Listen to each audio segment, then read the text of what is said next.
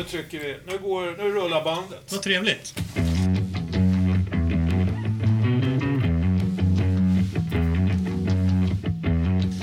Eh, Välkomna till Forza Motorsports podcast. En podcast sist ut av alla podcast. Eh, väldigt passande för oss fyra som sitter här vid bordet. Eh, som bestämde oss att eh, nu ska vi ha en podcast om motorsport. Och vilka är då vi och var kommer vi ifrån? Eh, Ola Lennström, Joakim Ternström, Anders Lövström och Jakob Engelmark som numera tramsar på Facebookgruppen Forza Motorsport och tidigare tramsade på Forza Motorsport, en eh, svensk motorsportsajt om F1 och annan motorsport som nu har en koppling till vädret i svensk fjällvärld, men det får vi återkomma till lite senare. Så vilka är då vi? Vem är du Joakim Ternström? Ja... Jävligt bra fråga. Nej, men, eh, från början en eh, jävligt motorintresserad eh, knatte på 4-5 år som eh, hängde med föräldrarna på eh, Gelleråsen och följde Joakim Bonnier och Ronnie Pettersson på den tiden, redan innan Ronnie var med, eh, innan han kom till F1. Eh, sen dess har jag alltid haft ett jäkla intresse för Formel 1. Som har följt med upp genom åren.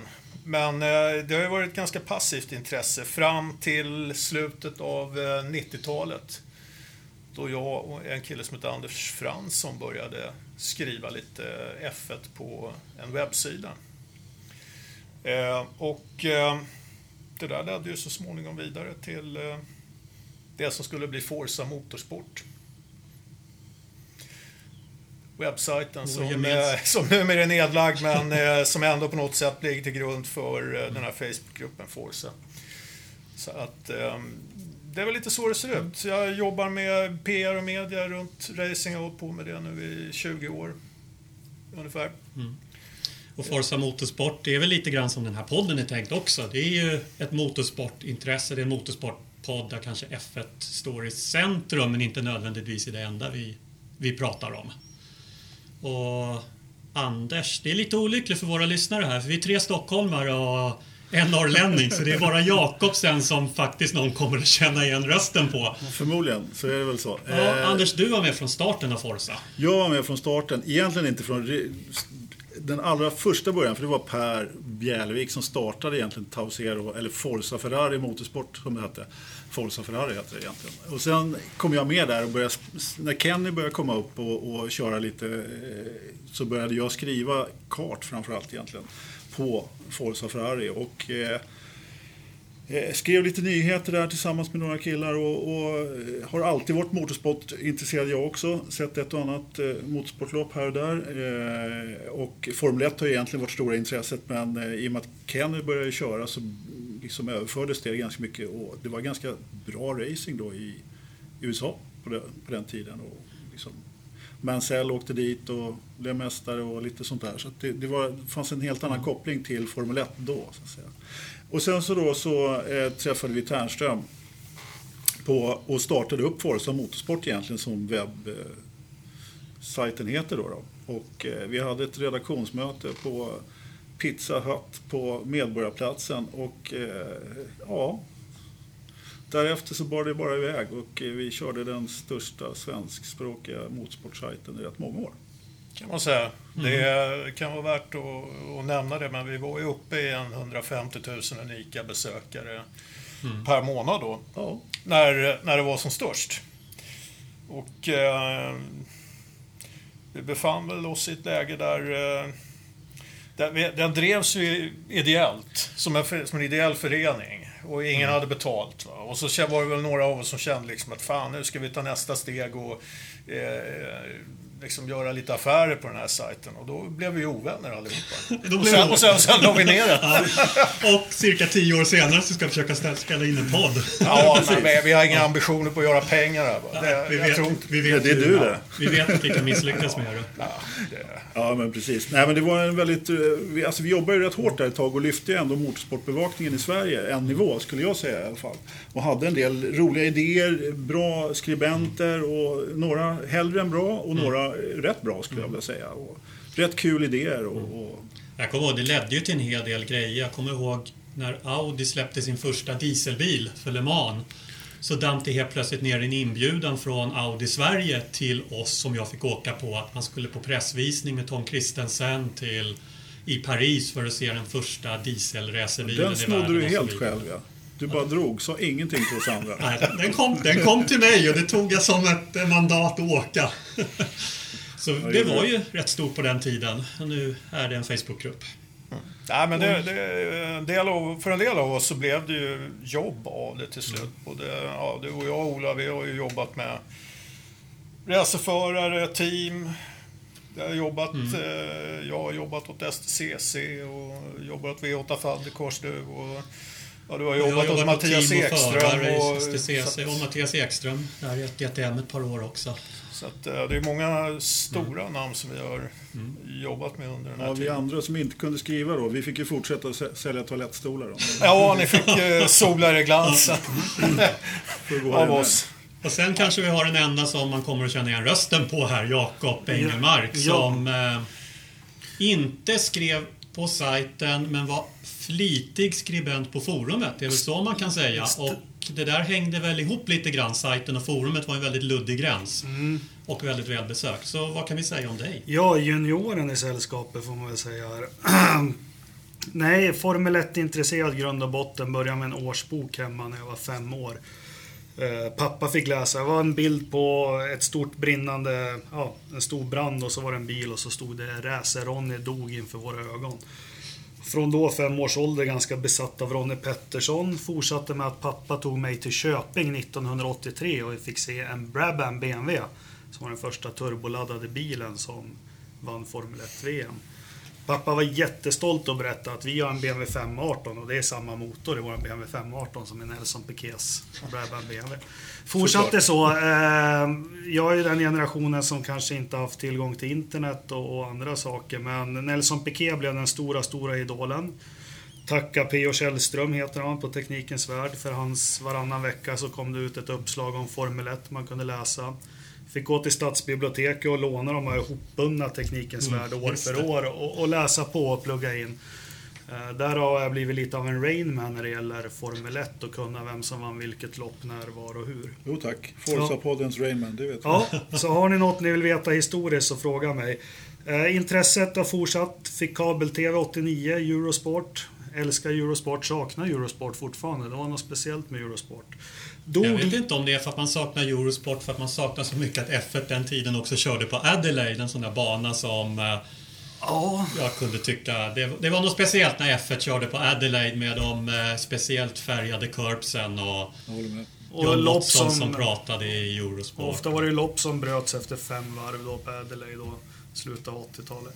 Eh, nej, Eurosport som sagt. Sen tappade jag lite 92-93. Det kom in en flickvän och jag satsade väldigt mycket på hockey då också. Det var väl inga roliga säsonger 92-93. Det skrevs mindre om det i svensk- media också. Men sen 94 fick jag en nytändning och sen dess har jag inte... Jag har nog inte missat ett lopp. Haft en kärlek till Damon Hill, kortvarig. Eh, orolig kärlek var det. Eh, Efter det så har jag faktiskt, ja, Montoya tyckte jag väldigt mycket om och eh, just nu är det Fernando Alonso. Det är lite skrämmande att det är så mycket liknande punkter mellan dig och mig. Jag Ja. kommer också ihåg Teknikens Värld i Bibber. Alltså på den tiden man var glad att det kom ut en tidning varannan vecka som man kunde läsa om Formel 1. Jag tycker det är mest skrämmande att ni gillar Montoya båda två. Och Damon Hill. Damon Hill också, just det. Ja, signerad Damon Hill-tavla hemma. Men när det blev riktigt jobbigt, det var ju när man var, hade mer hunger på Formel 1. Vi hade en bokshop i Västerås. Och där stod jag i hyllorna och bläddrade fram Teknikens Värld från 70-talet så jag kunde få alla tidningar som Ronny skrev krönikor i. Och då var det en liten 10-årig kille där som stod och tittade i tidningarna och så var det ett gäng 45-åriga gubbar i samma handel. De tittade på andra tidningar. Så var det på den tiden. Men eh, jättekul att vi har kommit igång med en podcast. Mm. Och tanken...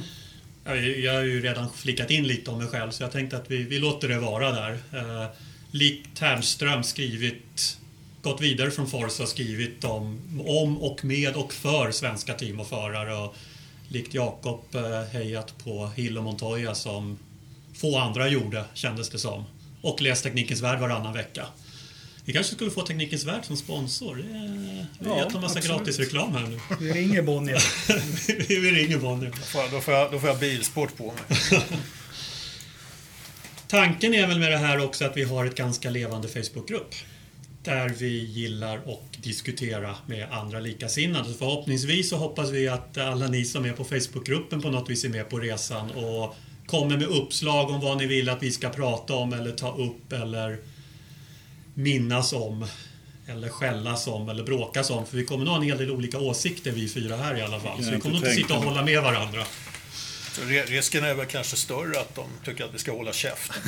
Ja, troligtvis om man ska döma av reaktionerna i Facebookgruppen ibland.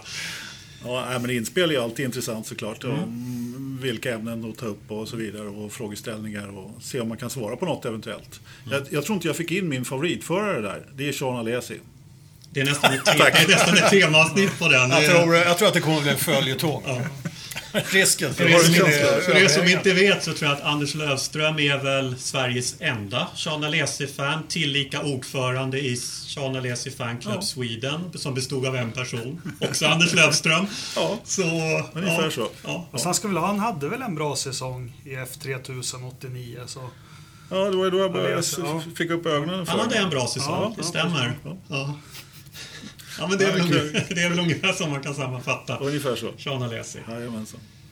Och vi ska väl ta lite avstamp i, eh, i motorsporten, men för att få igång, få igång det här. Vad, vad, vad tycker vi om F1 i år? Eh, Ternström, har du något Viasat motorabonnemang överhuvudtaget? Nej, jag, jag, jag har ju faktiskt slutat kolla på F1. Jag är ju lite känd för att vara dystopiker och, och, och haft många undergångsteorier om Formel 1 genom åren. Men eh, eh, mitt intresse för F1 idag, det rör sig nog mer på eh, det kommersiella planet. Marknadsföring, PR och, och eh, också hur eh, F1 fungerar rent eh, strukturellt skulle man ju kunna säga.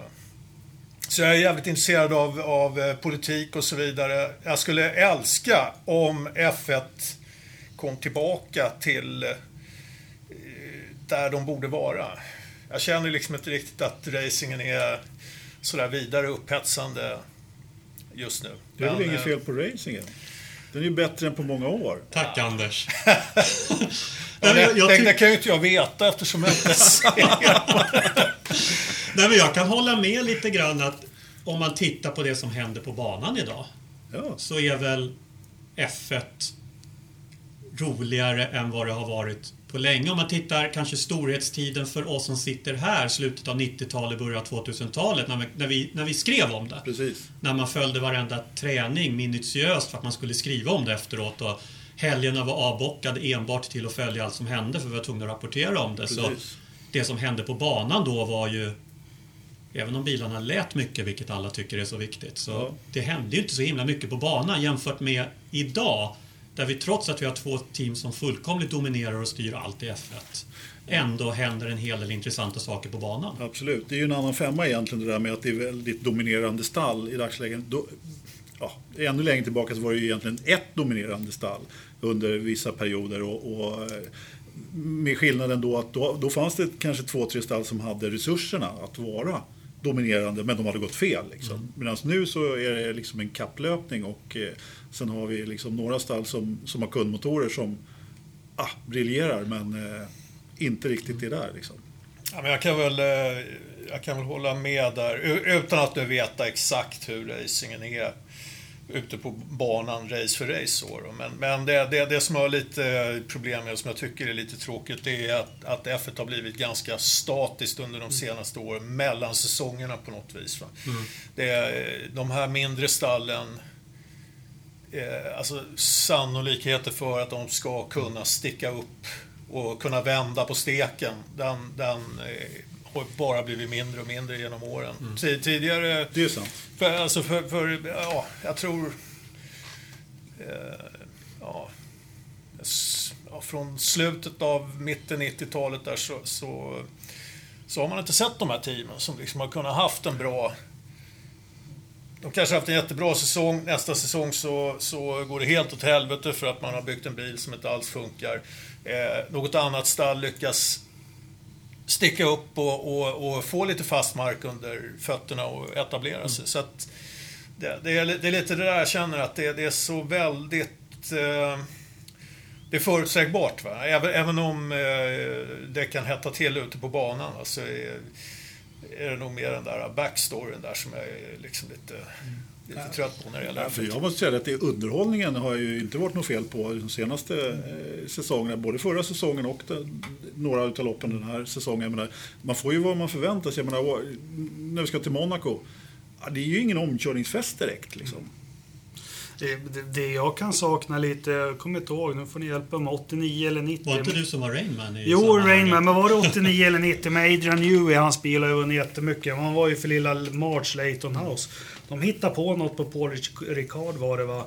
Ivan Capelli håller på att vinna hela loppet från, från Ferrari mm. och McLaren. Och det fick ju effekter att Capelli sen hamnade på Ferraris radar och tyvärr fick köra deras jättedåliga bil 92. Men något sånt här ser vi ju inte längre. Utan vi kan se en Sauber där uppe och mm. många har... Alltså, när hade vi senaste uppstickarteamet i F1? Är det Red Bull som gjorde resan från att sälja läskedrycker till att faktiskt etablera sig som ett toppteam, även om de nu har ett avstånd upp till Mercedes och Ferrari och är ohotade bakåt. Jag skulle vilja säga att det tog lång tid för dem, men uh, våran svensk Stefan Johansson körde ju en Onyx som vissa lopp hamnade på pallen. Det tycker jag är lite ja uppstickare från förkval. Men om vi tittar nu då i modern tid. När hade vi senast ett sånt team som faktiskt hoppade upp och etablerade sig och kunde utmana de stora? Force India har ju lyckats utmana genom att vara fyra, men de är ju de är inte i närheten av att utmana i loppen och de andra. De är bara bättre än de andra mittfältarna och samla poäng. Nej, man har ju pratat om de Big Four sedan 90-talet. Där. Då var det väl Benetton, Ferrari, McLaren och Williams. Och då är det väl egentligen bara Ferrari som är kvar där.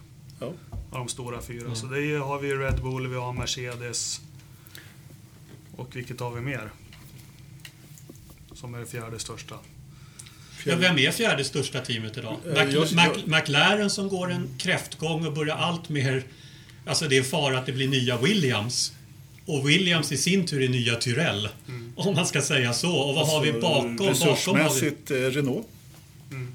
Jag menar, jag vet inte hur, hur deras resurser står sig mot McLaren egentligen, men McLaren har ju inte direkt rosat marknaden som de skulle ha sagt. Nej, vad händer där egentligen? Har vi någon analys? McLaren? När man blir för stor för sitt eget bästa. De sparkar Ron Dennis, sen dess är det bara... men det var ju på väg ut för redan då, men det är väl kanske det som gör att man inte vet, i alla fall inte jag vet vad man ska tycka om F1 idag. För dels så är det ju, det händer mycket kul på banan. Samtidigt så är det så otroligt etablerade positioner nu mellan teamen. Mercedes och Ferrari har varsitt motorövertag, motorövertag. Kundteamen till dem har inte en chans att ens utmana i närheten. Och McLaren har gått kräftgång för att de, har blivit, de, de lämnar Mercedes-motorer och helt plötsligt står de utan något konkurrenskraftigt alternativ. Red Bull skulle absolut kunna vinna race regelbundet och slåss men de har en motor som gör att de inte hänger med. Och det är väl där McLaren har hamnat lite snett. Och ska jag dra lite till Williams, när, när började Williams gå kräftgången? När de tog in BMW och Frank Williams och Patrick Head tyckte de skulle fira det genom att flyga in eh, Spitfire-plan över, över huvudet på BMWs representanter. Det blev dålig stämning då. Men, och tappade BMW-kontrakt, inte på grund av det, men för att man inte ville ta in BMW i teamet. Ja, just det. Alltså jag måste säga att McLaren, jag trodde väldigt länge att de skulle hålla kvar vid Honda alternativt, eh, men de hade ju ingen utväg till slut. Alltså, jag blev väldigt förvånad faktiskt när Alonso började hojta GP2-motor och mm. Eh, liksom försökte aktivt få bort Honda egentligen. Det mm. var ju väldigt speciellt måste jag säga. Mm. Och att de tog in Renault, jag trodde inte det fanns på världskartan faktiskt. Jag var mycket förvånad. Men det är inte ett tecken på att har man inte det, det har väl alltid varit så att fabrikskontrakt är viktiga. Men i F1 idag så har du ingen Mercedes eller Ferrari och de släpper inte till motorer mot någon som ens har en chans att utmana så har du inga alternativ. Och vad är de andra biltillverkarna som skulle kunna kliva in i F1? De verkar inte ens visa något intresse. De går Formel E-spåret istället. Så är det. Mm. Ja, men det, det, är väl ett av problemen med, med F1 idag. Att eh, Resurserna är så väldigt koncentrerade till några få.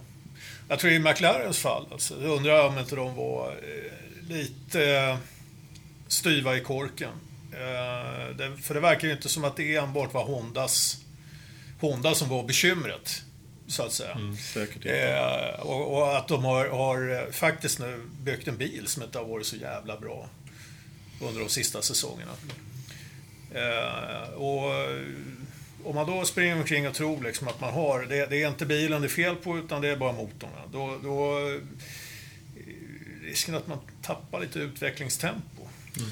Men sen som åskådare och fan också, jag tycker han Eric Bollier, den borde ju bli Formel 1 Bagdad Bob, för jag har trott på det hela tiden. De har visat upp eh, GPS-kurvor, att vi är snabbast i, i kurvorna. Det är motorn det, ja, som det hänger på. Men man ser i år att det där chassit verkar inte vara så jättebra. Det är faktiskt Alonsos briljans som, som tar poäng på oss. Jag är lite besviken på McLaren för jag har lite hatkärlek till dem genom åren, men jag skulle vilja att de är med där uppe och särskilt att Alonso har en bil också. Så vi får väl se vad det blir av det. För mig är det ett mysterium i alla fall. Mm. För min del kan jag gå i pension och börja köra Le Mans på heltid. Ja. In med lite nytt friskt folk istället. Ja, men någon seger till ska han få ta ett VM till. Men det har ju gått neråt. De hade ju ett jättebra chassi, var det 2012 senast de kanske skulle tagit VM då. Sen 13 gjorde de 14, absolut bästa motorn då med Mercedes, men de var väl långt efter alla andra Mercedes-bilar. Sen verkar de inte ha fått till det alls, beroende på vad som sitter där bak. Spännande att se. Mm. Eh, Jakob, vad tycker du om F1? Du är den enda som inte har eh, pratat ner eller pratat upp det här. Så... Nej, men vad jag tycker... Vad, vad, vad tycker du om F1 idag? Nej, men det, det är något slags måste i mig att jag måste se det och så. Men på något vis, jag tycker att F1 känns alldeles för artificiellt. Jag har svårt med min nioåriga son genom åren. Han vet ju att pappa är jätteintresserad, men försöka förklara för honom som min pappa förklarar för mig. För, för honom så är det inget annorlunda än det han gör på sitt rum med sitt Playstation. Det är inga hjältar, det är inga brottningsmatcher, det är inga bryt.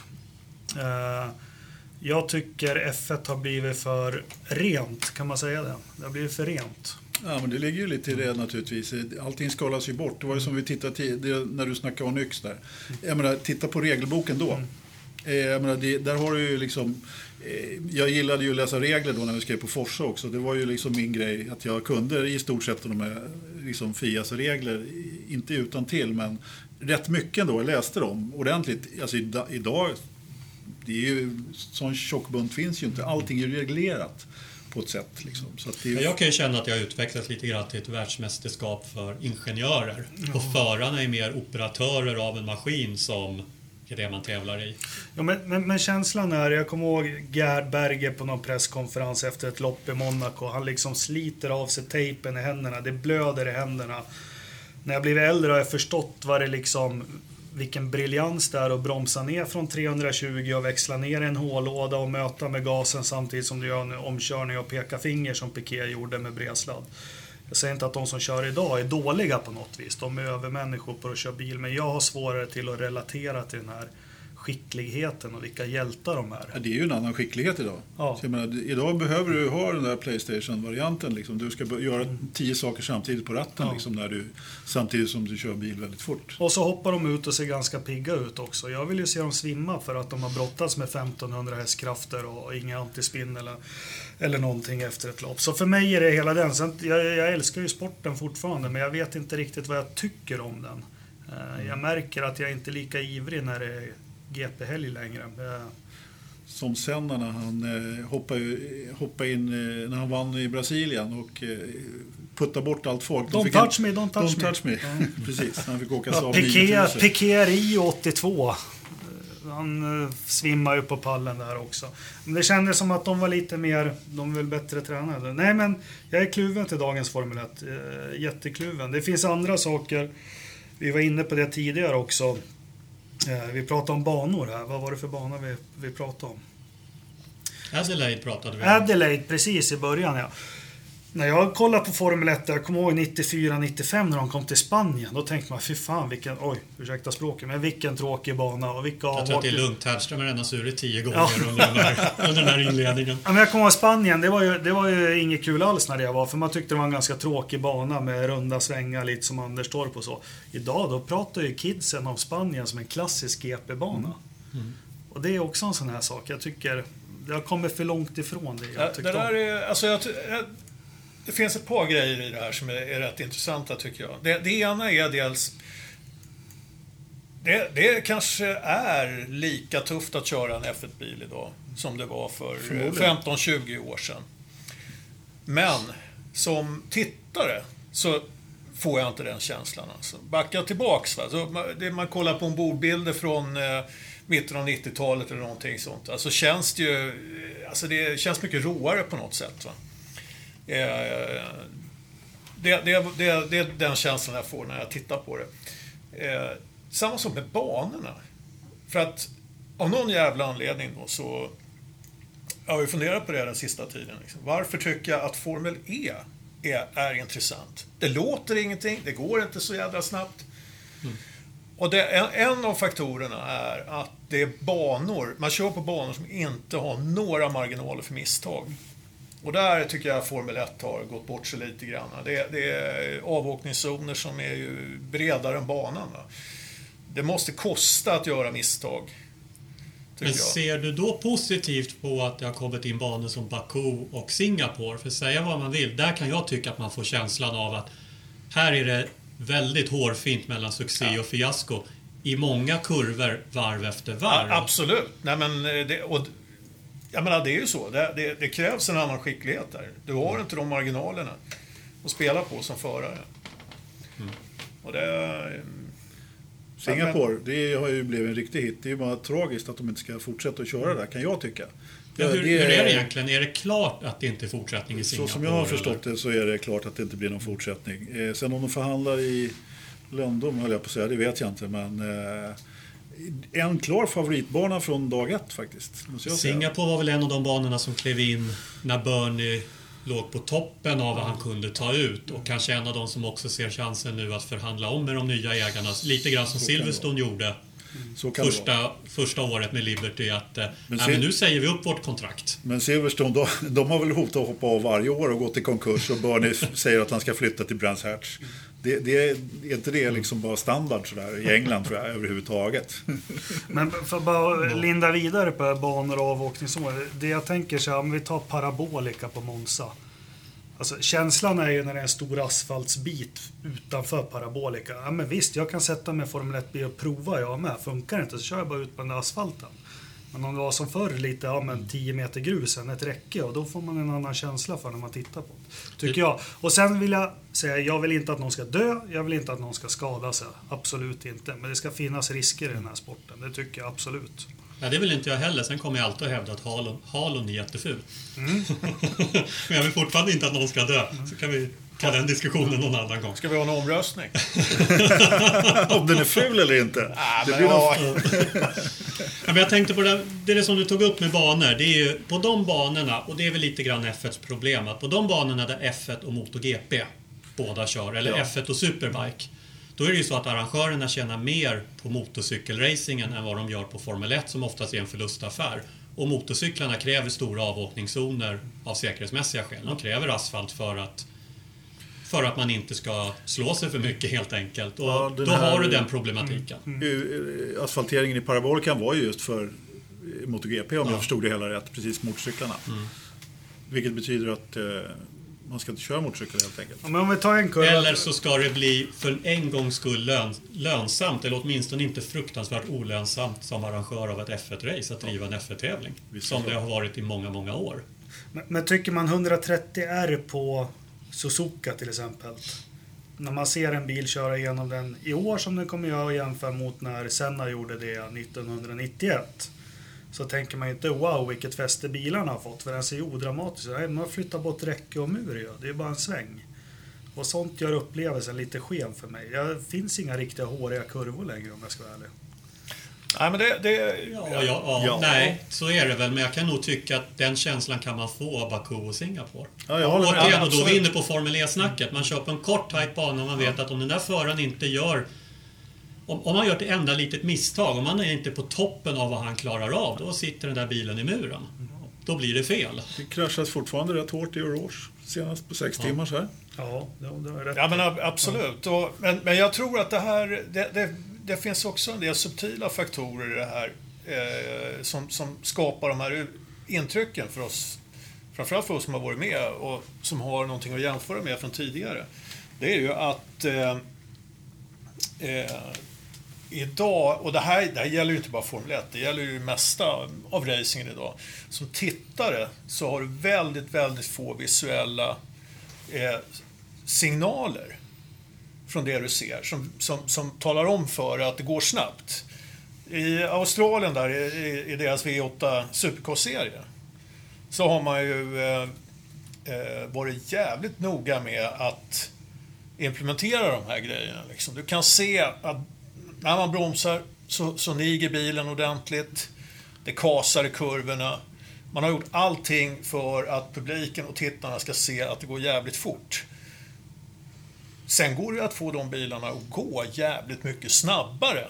Men då skulle man inte se att det gick så fort. Va? Så att, eh, och, och där, där, det är också en sån här grej som jag tror att F1 har missat lite grann.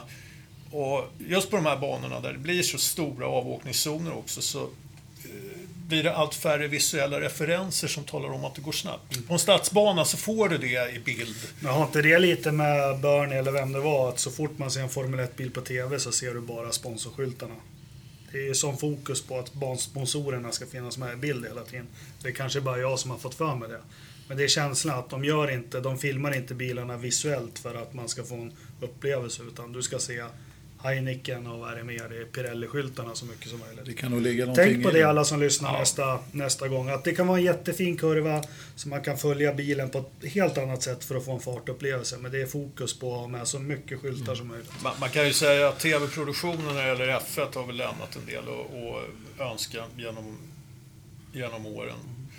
Samtidigt så är den ju väldigt mycket bättre nu Det- än den var för, ja, om vi pratar när vi Ja, liksom med TV4 och liksom när ländernas egna bolag, då fick man ju titta, när det var Frankrike GP så fick man ju titta på någon Eric som låg i liksom... Erik Komas. Ja, exakt, Erik Komas på Jo då, tolfte plats. Så, så är det. Men idag finns ju tekniken på ett annat sätt. I Nascar så är man ju jävligt duktig på att placera kameror på ett sätt så att man liksom skapar det intrycket av att det går fort som satan. Liksom, att det är en jävla kraft i de här bilarna. Sen har man ju också fördelen att det är en väldigt begränsad bana man kör på. Det, Så att det, är, det talar absolut. ut- det Men eh, ut även det. i Formel E så tycker jag att man gör ett eh, bättre jobb än vad man har gjort i F1. Ja, på vissa håll så har man ju helt klart gjo- gjort det. Men jag skulle ju säga det att man har kommit en bit på väg med Liberty och deras intåg och man har ju helt klart gjort en del saker. Sen att det kanske inte går lika fort, liksom att förändringen går speciellt fort. Men eh, jag måste säga att eh, jag tycker ändå att de har tagit några små bra steg åt det hållet att förbättra hela den visuella upplevelsen egentligen. Men vad har vi Liberty egentligen gjort? Ny logga. Ja, Nej, nej, jag tycker de, de, har, de har ju skärpt till sig jäkligt mycket på eh, sociala medier. Alltså. Jag tycker de är bra på... Eh, ja, men de lägger ut en massa, massa bra klipp Absolut. och så vidare. Va? Så det, de visar ändå på något, eh, på, på en annan riktning. Och det, men det kommer att ta tid att, förändra det där. Fast vad har de gjort för oss gamla gråa som vill ha det som för det? Jag förstår, de har gjort jättemycket bra för att få nya fans och ny fanbase och en yngre generation. Men för oss, vad har de gjort för oss? Ja, men jag gillar de här eh, klippen och sammanfattningen av racen som de, eh, som de lägger Jag, ut tyck, faktiskt. jag tycker klipp med eh, bästa radiotrafiken Älskar varje GP. älskar jag, Eh, bästa, vad är det, bästa händelsen eller bästa omkörningarna. Titta på det varje gång. Eh, även om det kändes lite stageat och regisserat så gillade jag ändå greppet med att eh, sända från förarbriefings också. Den skulle, jag Ja. Ja. Skulle den, skulle den livesändas, då skulle jag gå upp nio på morgonen och titta på Ja men på riktigt. Ja, men jag med. Skulle den livesändas? Då får man ju inte det här gamla vanliga utan då är det ju någonting som är liksom lite utanför. För tänk när Senna-filmen kom och de här, då är det ju några filmer från de här briefing. Så mycket vi inte visste. Jean-Marie Ballester. Ja, precis. Han var proffs tänk- liksom. Nej, men där, det är, alltså, jag, jag tror att Liberty, eh, de vill göra rätt grejer. En, en som har varit en jäkla broms i, i den här utvecklingen, det är ju Bernie. Ja, ja. Det var ju inget han, annat än han, stor han, har, han har ju inte gett ett dugg för sociala medier för fem öre. Så att, eh, Ja, han har ju haft en väldigt enkel och effektiv affärsmodell. Ja, Låt deltagarna sköta all marknadsföring. Hosta, hosta in så mycket pengar som möjligt från arrangörerna. Åk till länder där de, där de kan betala miljarders miljarder för ett race. Ja. Slut på det nu. Ja, nya tider nu. Vi har ju följt F1 länge. Och senast vi hade en svensk F1, nu kommer jag till det ämnet. Eh, Stefan Lövis Johansson som eh, plockade pallplaceringar men aldrig vann. Och sen var det så nära med Kenny Bräck och så var det nära med Björn Wirtheim och det var nära med Alex Danielsson och man trodde varje gång att nu, nu är vi där. Medan finländarna skördade framgångar. Nu har vi en svensk F1. Vad tycker vi om det? Och vad känner vi för det? Och vad Ja. känner vi för att Marcus Eriksson kör F1? Jag gillar Marcus och så, men jag känner väl ingenting för att vi har en svensk i F1. Men så är det väl med all sport. Skulle vi känna någonting för om vi hade en skidåkare i OS som kom 32 varje gång och tycka att det var kul att han var med? Jag tror, Nej. jag tror att eh, här, här blir ju Marcus offer lite grann för just det här fenomenet att de, de här teamen som ligger längst bak, de, de har inte längre någon större chans att sticka upp. va. Eh, så att det, det blir ju nästan hopplöst att sitta och hoppas på att det ska komma några resultat. Va? Det, det, Om man skiljer på... Alltså jag, jag kan ju faktiskt nästan föreställa mig vilket jobb han har lagt ner sen tidiga tonår, hans familj. Han är en talang, han har fått offra mycket. Han fick dra till Japan, vad var han, 14-15 år bara för att bo själv. Han verkar slita stenhårt, jättededikerad och allting. Så jag har den absolut största respekten för honom som idrottsman. Men jag tycker det är ett så grymt öde som du är inne på Ternström. Att han är ju någonstans där han har väldigt svårt att hävda sig. Och jag får alltid känslan att han har aldrig någonting att vinna. Han har aldrig någonting att vinna. Det enda han kan vinna det är att få vara kvar i ett stall ett år till. Eh, Det är min känsla. Det, blir lite så här hopplöst. Det känns hopplöst. Jag vill inget heller. Jag tror han skulle göra jättebra resultat i en Mercedes eller en Renault eller någonting. Men Men, det är klart han skulle. ja, men eh, Jag kan säga att jag har inga problem med att heja på en svensk som kommer 32 på femmilen.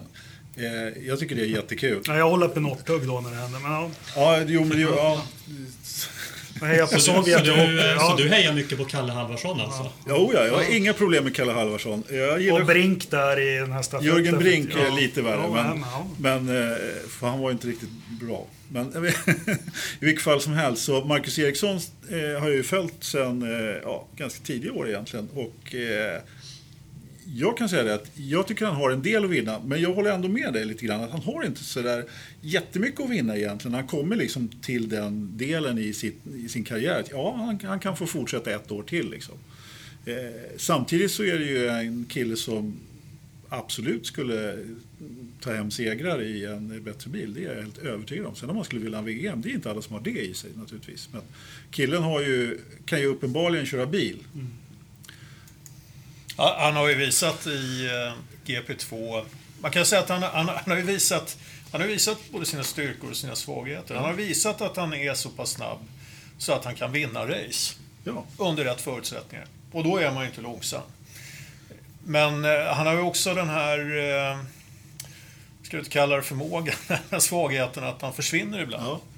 Och det kan gå perioder utan att man som utomstående betraktare förstår varför får han stryk nu för tredje gången i rad i kvalet av teamkollegan till exempel. Ja, när, när han egentligen skulle behöva eh, han skulle verkligen behöva dominera lite grann.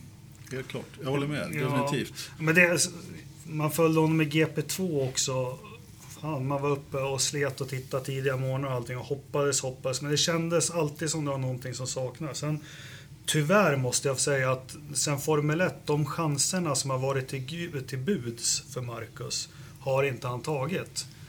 Och det jag skriver ibland på forumet, jag har jättesvårt att förlåta honom för Malaysia 2015. Startar nia, gör en bra start, får bra häng på, vem är det? Eh, vad heter han? Jannes kompis. Hulkenberg tror jag det är. Och så ska han på en ytterökare och hamnar i sandfållan i varv två. Det var ett otroligt tillfälle. Vi hade Brasilien 2016 när Nasser blev hjälte. Var det inte så? Jo, som tog sig av. Det är också ett sånt där, där öppnades, ja, det var window of opportunity. Där kunde han få chansen att Var det och då det regnade? regna, men han satte den i muren. Och. Ja, och, Och anledningen till att han satte den i muren var ju att han var tving, tvingad att gå i depå. Han ville absolut inte, men de skulle ha in en bil och köra på slicks. Och det där är ju också lite hans grej. Jag menar, om det där hade varit någon annan så hade, hade han inte gått i depå och bytt, utan han hade kört vidare. Och, låt säga att det hade varit annorlunda, liksom, om det hade varit Nasser. Ja, Nasser hade ju inte gjort det helt enkelt, för Marcus ville inte gå i depå. Ja, och så ett varv senare så, så åker han av och sätter den i muren. Förstappen kommer halvvarv senare och, och missar muren med en hårsmån. Liksom. Men jag tyckte samma GP2 att han försvann där också sista säsongen. Han körde Dams, alltså bra bil och allting. Då hade man Ja, det, det sista året, och det har han ju sagt själv, att hade han inte gjort en bra andra halva där så hade han ju aldrig kört Formel 1. Va? Och då, eh, då gjorde han väl sin eh, fjärde säsong i, i GP2 och, och, och eh, det var ju, var ju likadant där. Va? Det, var, det var en massa, vad ska man säga, oinfriade löften, helt enkelt. Va? Det, det, fanns, det fanns ljuspunkter där han slog till och där man kunde se liksom att ja, när allting stämmer då, då, då kan han till och med vara snabbast. Men eh, ja, jag, jag tycker det här mönstret har eh, hållit i sig lite grann i, i eh, F1. Det jag skulle önska för Marcus del, det vore att han fick en chans att köra i en bättre bil. Eh, och räcker han inte till då, fine. Då, då, då, då, då tror jag, och då, det tror jag han skulle tycka var skönare, skönare också att ha fått den chansen och, och i, i ett material som man vet håller. Va? Nu, nu kommer liksom alltid den här frågan att finnas på något vis med Saubern. Att, eh, ja, han fick ju aldrig riktigt chansen att köra någonting som dög till va? Och, och prestera resultat i. Va? Så att, Han har inte slutat karriären än. han har inte gjort det, men, men, men eh, frågan är hur länge det räcker. Samtidigt så kan väl jag tycka att han fick chansen, han har fått chansen, han har chansen i år. Jag menar, de har en bil som har kommit... Eh, Jag skulle komma till det. Ternström Anders. Har han en bättre bil i år eller inte? det pågår någon diskussion Ja. mellan er i gruppen om eh, vilka bonader och relativa frams, framsteg och vad det är. Har han en bättre bil i år? Ja, jag hävdar ju med en dåres envishet att, de, att Sauber är betydligt bättre än förra säsongen. Och jag tycker att resultaten visar det också, eh, bland annat med Leclerc. Eh, Sen, eh, sen är det väl också så att det finns ju stall som har gått bakåt naturligtvis, men relativt mot det övriga fältet, det de tävlar emot, så har de gått framåt. Och är ju någonstans på 2015 års nivå. Någonstans. Jag vet inte. Vad säger du Ternström? Marginellt, marginellt. Men, men det, det, det här kan ju förändras under säsongen så det är inte säkert att det blir någon, eh, att jag behöver virka någon bona där. Va? Nej, men det, ja, gentemot toppen så eh, känns det ju som att eh, avståndet är ungefär detsamma som det var tidigare. Ja, kanske det. Men har, Det, det, det, det, det är någon tiondel som skiljer. Va? Men å andra det, sidan så tävlar ju inte Sauber mot Mercedes. De Nej. tävlar ju mot Force India, eventuellt lite Renault, Toro Rosso. De, alltså det, det, det som är, blir lite räddningen här det är ju att Williams Ja. är ju mer under isen. De tävlar de eh, inte mot längre. och gud vad glada vi ska vara. Kommer ni inte ihåg ryktena Marcus till Williams? Oj, Jo. tänk om det kunde hända, skrev och tyckte vi. Vilken höjdare det skulle vara. Usch, kunde ha varit en mardröm nu. Eh, Men det jag tänker på också som är i, i stallet nu, han Leclerc, eller Leclerc, vad säger du Del? Vad heter han? Leclerc? Leclerc? Leclerc. Leclerc? Leclerc. Leclerc? Leclerc? Han verkar ju hitta något när man läser lite brittisk branschmedia, någonting med, med inställningen och åka på överstyrt och så vidare som verkar vara värt väldigt mycket tid i alla fall, både i lopp och i kval. Och där undrar man lite vad, hur Marcus kompetens ser ut på att ställa in bilar och känsla för och vilka steg han ska gå. Det jag kommer ihåg var att han gjorde något i Caterham, Caterham sista halvan av säsongen, att han gjorde någon väldig rokad med bromsar och grejer och började köra snabbare än Kobayashi. Men har han något motmedel själv i inställningssetup här nu mot jämföra. Eller har Leclerc bara kommit till två banor som han körde förra året i Formel Ja, 2 ja. och helt plötsligt med två eller tre F1-race bakom sig och förstå hur allting fungerar. Helt enkelt både har fått lite rutin, blivit, kommit över de värsta nybörjarnerverna och nu dessutom kommit till familjära marker. Absolut. Vad var det i Spanien? 0,9, 0,7 i kval? Ja, 0,9, 0,98. 0,80, Ja, ja. Ja, för, för stort avstånd kan vi väl Alldeles för säga. stort avstånd. Eh, Men jag måste säga det att just Spanien, om vi tittar på Spanien. Alla tycker, eller alla, åtminstone de, det som jag har hört och de som tycker, liksom, till och med Ola tror jag, har skrivit att han gjorde ett bra lopp, Marcus, där. Jag tycker han gjorde ett jättebra lopp. Det tyckte inte jag. Utifrån att han var ju inte 0,8 efter Leclerc varv efter varv. Sen att man kvalar där man kvalar gör ju att man får ju... Man, hans lopp är ju redan avgjort. Han var under ingen del utav loppet snabbare eller lika snabb som Leclerc. Han var hela tiden långsammare. Och han hade ju stöket med Alonso bra mycket också som kostar varvtid. I, när han fick på nya soft efter eh, depåstoppet. Leclerc var snabbare. Det var, alltså, det var inte många varv som Eriksson eh, slog. Nej, det, det, var ju en helg där Leclerc hade ja. övertaget från start till mål. Så att säga. Alltså från första För, varvet till, till målgång i loppet. Så det, det jag är van vid det, när, att, när Eriksson väl kommer in, då, det kan ju vara så med Eriksson att han passar, helt plötsligt passar inte däcket i bilen. Han, han har en dålig första stint och sen så när han då får på ett däck som passar honom och bilen bättre. Han kommer in i, i sitt fönster så att säga, där det funkar. Då gör han trots allt väldigt bra tider och gör en ganska bra stint. Den kom aldrig i Spanien. Den var inte där. Han var långsam hela loppet. Jag tror att det här är första gången jag tycker att Marcus Eriksson har gjort det ganska bra och du inte tycker det. Så kan det vara. Det brukar alltid vara tvärtom. Nu, nu var ju Marcus ganska besviken själv efteråt och självkritisk. Mm. Så att... Eh, jag tror inte han var nöjd med, med, med det där. Men det finns ju lite andra aspekter av det där. Vi, vi ja, jag funderar ofta mycket på det här intrycket, hur mycket det betyder i, i eh, motorsportvärlden. Och här har ju Marcus återigen hamnat i en situation där, där han eh, hamnar i skuggan av sin teamkamrat. Menar, han, var, han var ju hjälte i Bahrain, efter Bahrain. Och direkt efter så slår Leclerc till med, med en ännu bättre placering. Det var lite samma sak i, i fjol. Wehrlein eh, lyckades också eh, eh, inkassera en del eh, poäng där. Va? Där man tycker liksom, fan, varför, varför är det inte Marcus som gör det? Eh, och det, det, här finns det ju kanske förklaringar till. Det kanske inte alls är så att, eh, att eh, vare sig Wehrlein eller Leclerc har, har har eh, presterat bättre. Det finns förklaringar, kan finnas förklaringar som vi inte har en aning om.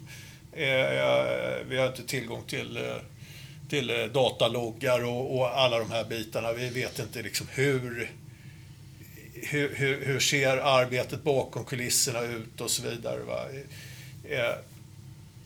Och, men det är ändå så att det skapas ett intryck av en förare. När, när Marcus hade den här framgången i Bahrain då började det bli lite skriverier.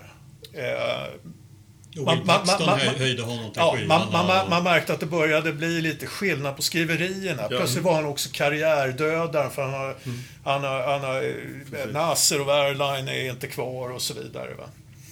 Eh, och så tyvärr så tappade han ju det här så oerhört fort. Va? Men, men det visar hur viktigt det är med att skapa det där intrycket av sig själv som en, en bra förare. En vinnare. En, en vinnare, någon som eh, faktiskt är bättre än vad materialet tillåter honom att vara. Och där kan jag tycka ibland också att han har hållit en väldigt låg profil. Jag har förstått att han är förmodligen väldigt uppskattad i teamet. Men han skulle kanske ha tjänat själv på att vara lite, eh, lite tydligare efteråt. Tala om liksom, vad fan, nej det här eh, Nej, jag fick ingen bil som funkar av teamet. Liksom. Eller, eh, jag, menar, jag, jag, vet inte ens om jag har hört honom klaga på någon av de här galna strategierna som de har gett honom ibland. Han är för tacksam för sin plats kanske utåt. Jag tror ju... Eller är det inte väldigt typiskt, jag gillar inte att säga typiskt svenskt, men är det ändå inte lite grann att vi går till jobbet, vi gör vårt jobb, vi är där i tid, vi kommer med förslag på förbättringar och vi är nöjda med det och vi räknar med att vi får det förtroendet. Men men han försökte slå ner näven en gång i bordet rejält det här med Nasser i Monaco. Att han ville komma förbi honom i tio ja. varv och det, det vart väl inte så jättelyckat. Ja, jag tyckte det var jättelyckat. Ja. Jag tyckte det var, det var det bästa Monaco jag har sett på rätt många år ändå. Ja. Det var rätt roligt. Jag tyckte det var... Ja, där var vi väldigt oense du och jag återigen om själva situationen. men jag håller med om att eh, Monaco som nu också står för dörren när vi spelar in det här i helgen. Det var ett av många gånger där Monaco trots allt bjöd på underhållning. Även om i en annan variant än vad vi normalt räknar med att se i underhållning. Fast det gör det varje år faktiskt, tycker jag. Ja, jag tycker det. Ja, för det som finns, man kan säga, det går inte att köra om och det köper jag. Jag har sett omkörningar. Men vi har det här som vi börjar podden med, att du vet att Ricciardo eller vem som helst leder, men det krävs två millimeter fel i tabak. Slå sönder hjulet på Alltså det är så lite som, som skiljer sig. Jag tycker alltid Monaco är otroligt underhållande. Hör du Reimann, vilket år var det som de eh, kraschade på första varvet och de fick börja springa tillbaka och hämta reservbilar och grejer? 95. Det var väl Alesi och Bergers och Coulthard som flög över varandra. Jag tror att det var Jacques Villeneuve också. Nej, han körde Indycar 95. Ja, men det, det är därför jag tror att det var ett år. Jag har en sån här... 96 stökar de också lite, fast Ja, det var längre fram. Det kanske var starten. 95 då. Ja. Ja, det var 96 var ju ett spännande. Just ju- det här med tredje... Ja, 96 var spännande. Det har ju Ola redan eh, dragit ut på. Ja, jag Facebook. tog upp lite grann. Vad är vårt bästa Monaco-minne? Eh, istället för att vi ska tro, tippa vem som vinner, vilket blir fett eller helgen. Så ska, vad är vårt bästa Monacos GP-minne? Och Oliver Panis 1996. Nej, usch, fan. Det är faktiskt Nej. ett, ett av de starkare minnena. Därför att Panis hade ett jävligt bra år. Han, han inledde det året bra. Ligier hade fått till en riktigt bra bil också. Och, och han, var, han var ju vass. Nu hade han ju en jäkla tur. Jag måste bryta Men han in. körde ju bra. Jag måste bryta in. 96 inledde han bedrövligt. 97 inledde han då när Prost tog över det jättebra. Och så bröt han benet i Nej men jäklar. 96 hade det, jag tror det var första poängen han tog där nästan. Men det kan vi slå i Wikipedia sen. Så Ja, nu fick jag Nej, då, då får jag... besserwissra lite. 97 bröt han benen i Kanada. Ja, och då Och så kom han tillbaks och så blev det ganska bra i alla fall. Men ja, 96 var ju... Men det här är ju pinsamt. Men 97 Det, startade det, han det, ju... det, här, det, här, det här är en motorsportpodcast som kommer Ja, att bygga det- på att vi konstant har fel om På att motorsport. jag så inte kan någonting. Ja, men det är 97 ju skrämmande. startade, var väl Pall i Brasilien och Pall i Spanien. Helt Han- sant. Han var med jättebra. Ja men riktigt. Sen fick riktigt. Trulli ta över och ledde väl i Österrike Ja. där och höll på att vinna när Mugen Det var Trulli. motorn. Ja, Trulli. Ja. Det var länge sedan man Det var hade- inget tåg bakom honom. Ja, Men- men- 96 och. Nej. I- i- Anders, i- icke desto ditt mindre. bästa Monaco GP-minne. Alltså, jag satt och funderade här när, när Ternström... 96 när Alesi tappade segern. Ja, alltså det var ju en solklar seger där när eh, bakhjulsupphängningen gick sönder och Panis fick ärva segern då. Ja, Damon Hill hade lett med 40 Ja, sekunder innan då. Alice hade tagit honom Ja, lätt sen ändå. Så Jag skickade ett klipp till dig på på Facebook. Nej, Anders, vi hade en sån diskussion på Facebook. Jag skickade klipp då när, när Hill kör om Alesi på slicks uppför backen där efter Ja. Sandevå. Precis. Ja, det var tidigare.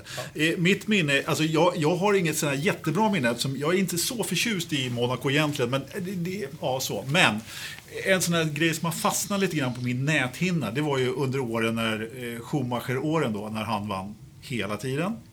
Eh, Jag kommer inte ihåg alla, jag kommer inte ens ihåg vilket år det här var, men rätt vad det var så kommer det ut en trehjuling ur tunneln med gnistror runt. 04. 04 bör, kan det ha varit, jag skulle säga 05, ja precis 04. Och hela pressrummet jublar. Och de fick väldigt mycket skit för det. Men det var väldigt roligt. Det är ett kul minne. Ja. Var det inte Montoya Jakob? som körde på honom där? Jag, jag har flera bra minnen. Jag tyckte det var Du kul. får bara välja ett. Eh, ja, det bästa. Ja, 1974, Ronny Pettersson där. Jag såg inte loppen, men det, det måste Du vara... läste om det i Teknikens Ja, jag värld. läste om det i Teknikens Värld. Det var Du, väl... du kan ha hört Fredrik och Petersens. Ja, referat i radio. Eh, nej, men det finns många roliga saker. Just Schumacher hade ju svårt där.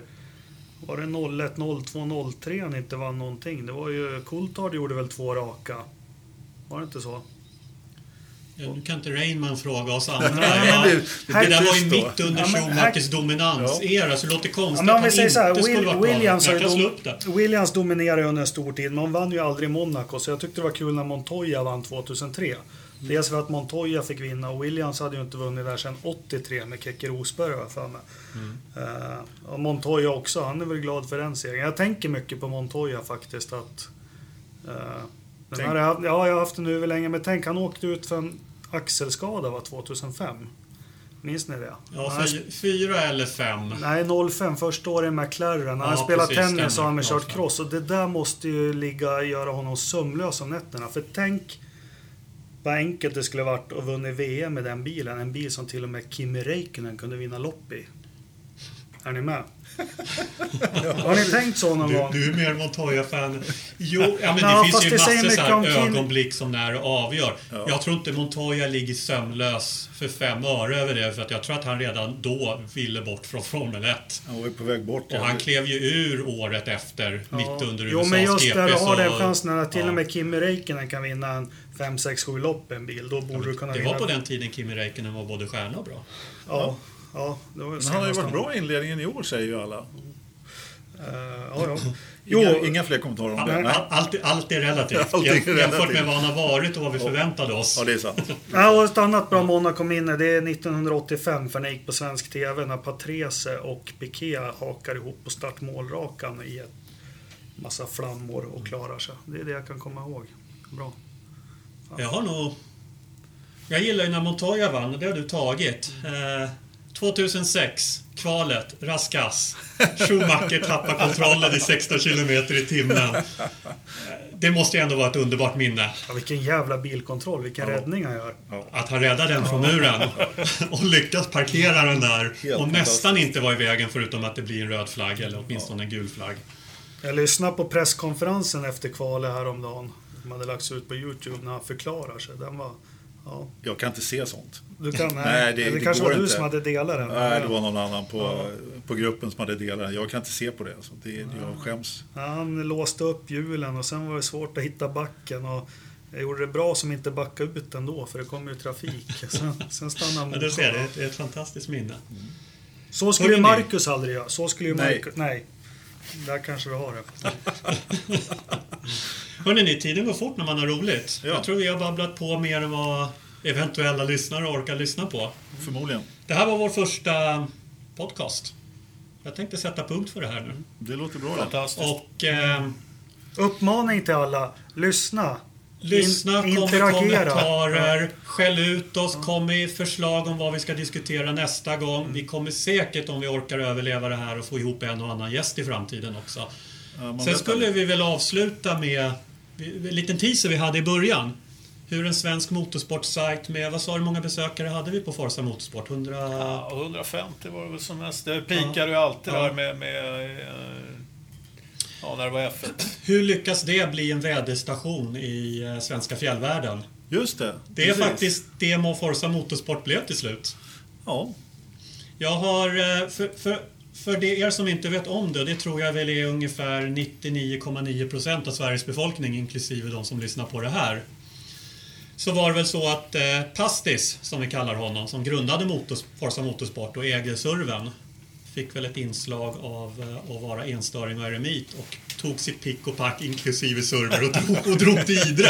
Det är väl egentligen så man kan sammanfatta ja, det. det är rätt bra Och sammanfattning Forza faktiskt. Motorsport fylld av våra alster med krönikor, tyckanden, artiklar, forumkommentarer är numera en väderstation i, eh, Jajamensan. i Idre. Ja. Jag har den uppe här. Väderstationen i Storsäten och Grövelsjön, Sverige.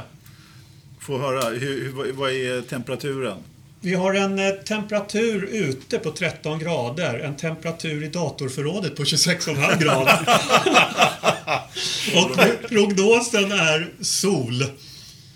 Och barometern är stigande, vilket inte säger mig någonting. Eh, Vi har vindhastighet, vi har vindriktning som är i nord. Och en relativ fuktighet ute på 59 procent. Ja. Det är Mm. helt otroligt. Jag tycker att med denna stående punkt så får vi avsluta vårt första avsnitt av Forza Motorsports podcast. Som vi kanske också döper bara till Forza Motorsport. Det låter bra det. Tack. Tack för att ni lyssnade. Tack, tack.